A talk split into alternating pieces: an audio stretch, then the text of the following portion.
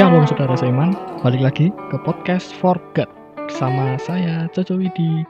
Kali ini uh, akan membawakan sebuah artikel yang sumbernya ada di website Sabda.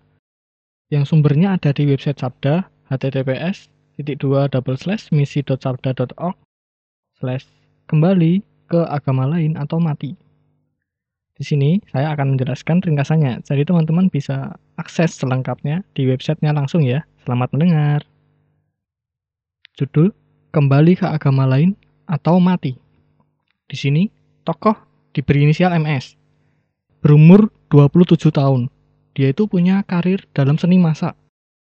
Sampai jadi pemimpin koki. Wah, itu wah keren. Sampai jadi pemimpin koki. Nah, karena dia masih pada kepercayaan lamanya, agama lamanya tepatnya, dia itu cuma nemu dikit banget sukacita dan kepuasan rohani di kepercayaannya itu yang lama maksudnya. Jadi, dia mulai belajar mengenai kepercayaan Kristen. Teman-temannya ngasih tahu dia bentar lagi ada kayak festival kesembuhan. Ya, mungkin zaman sekarang kayak KKR gitu deh di dekat desanya sana. Di situ dia dikasih tahu nih banyak mujizat-mujizat kesembuhan yang terjadi. Nah, dia penasaran banget kan, pengen datang ke acara itu sama seorang temennya juga dari kepercayaan lama sama kayak dia yang mengidap penyakit kanker. Si MS ini nggak pernah ngalamin atau ikut suatu peristiwa kayak gini. Nggak tahu ya di sebelah mungkin kayak gimana. Uh, saat acara itu dia tuh bener-bener kagum sama hadirat Tuhan dan mujizat kesembuhan yang terjadi. Iyalah gue sendiri juga kagum. Para penginjil tuh berdoa buat si teman MS yang kena kanker itu tadi. Dan beberapa hari kemudian uh, si MS dapat laporan bahwa si temannya ini yang ngidap kanker tadi itu sembuh guys. Wah Puji Tuhan, Tuhan memang luar biasa. Si MS ini semakin yakin dan kepo tentang Yesus yang udah nyelamatin temennya dari kematian oleh kanker. Pada akhirnya, dia menerima Kristus, dibaptis, dan datang rutin setiap ada ibadah di gerejanya. Tuh dengar, rutin ibadah. Nah, lama-lama kan MS tumbuh, makin kuat di dalam iman, dan jadi lebih agresif. Ya, agresif. Tahu kan maksudnya agresif?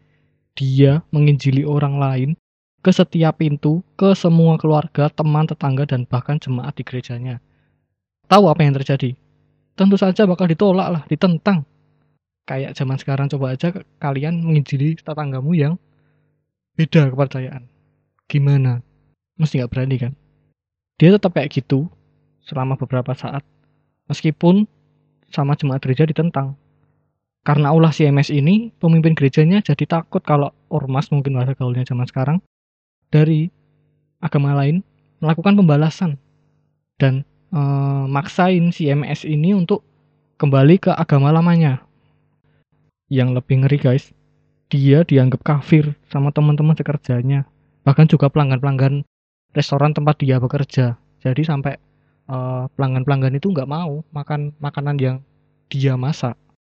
Jadi pada akhirnya e, dari pihak restoran di tempat MS bekerja mengeluarkan dia. Lalu si MS ini beserta istri dan kedua anaknya pindah ke rumah orang tuanya. MS ini karena perilaku agresifnya benar-benar dapat banyak ancaman. Kalau dia nggak berhenti menginjil orang lain dan nggak kembali ke agama lamanya.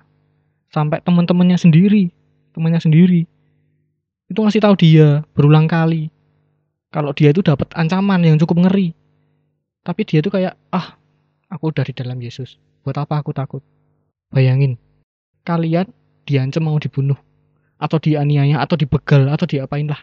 Kalau nggak kembali ke agama lamanya, takut nggak kalian? Nah, si MS ini tetap stay strong. Empat tahun setelah pertobatannya si MS ini, seorang dari keluarganya masih berada di agama lain, memanggil MS buat datang ke tokonya dengan alasan uh, ingin mengenal Yesus lebih dalam lagi. Tentu saja si MS ini suka cita lah mengetahui salah satu anggota keluarganya juga ingin mengenal mengikut Yesus lebih dalam lagi, ya kan? Nah, tepat pada tanggal 8 Juni 2002, MS tiba di toko tersebut. Dia bareng sama anaknya, digendong gitu, masih kecil mungkin. Setelah sampai di dalam kan, tiba-tiba si keluarganya dengan berinisial S dan seorang temannya lagi menutup pintu toko secara paksa. Di situlah kengerian terjadi. Si MS dan anaknya ini diancam sama S dan temennya. Kalau mereka kalau CMS nggak kembali ke agama lamanya dia bakal dibunuh. Tapi tahu sendirilah MS kayak gimana. Dia tetap menolak dan teguh dalam imannya. Ini cukup ngeri guys. Sama keluarga sendiri loh.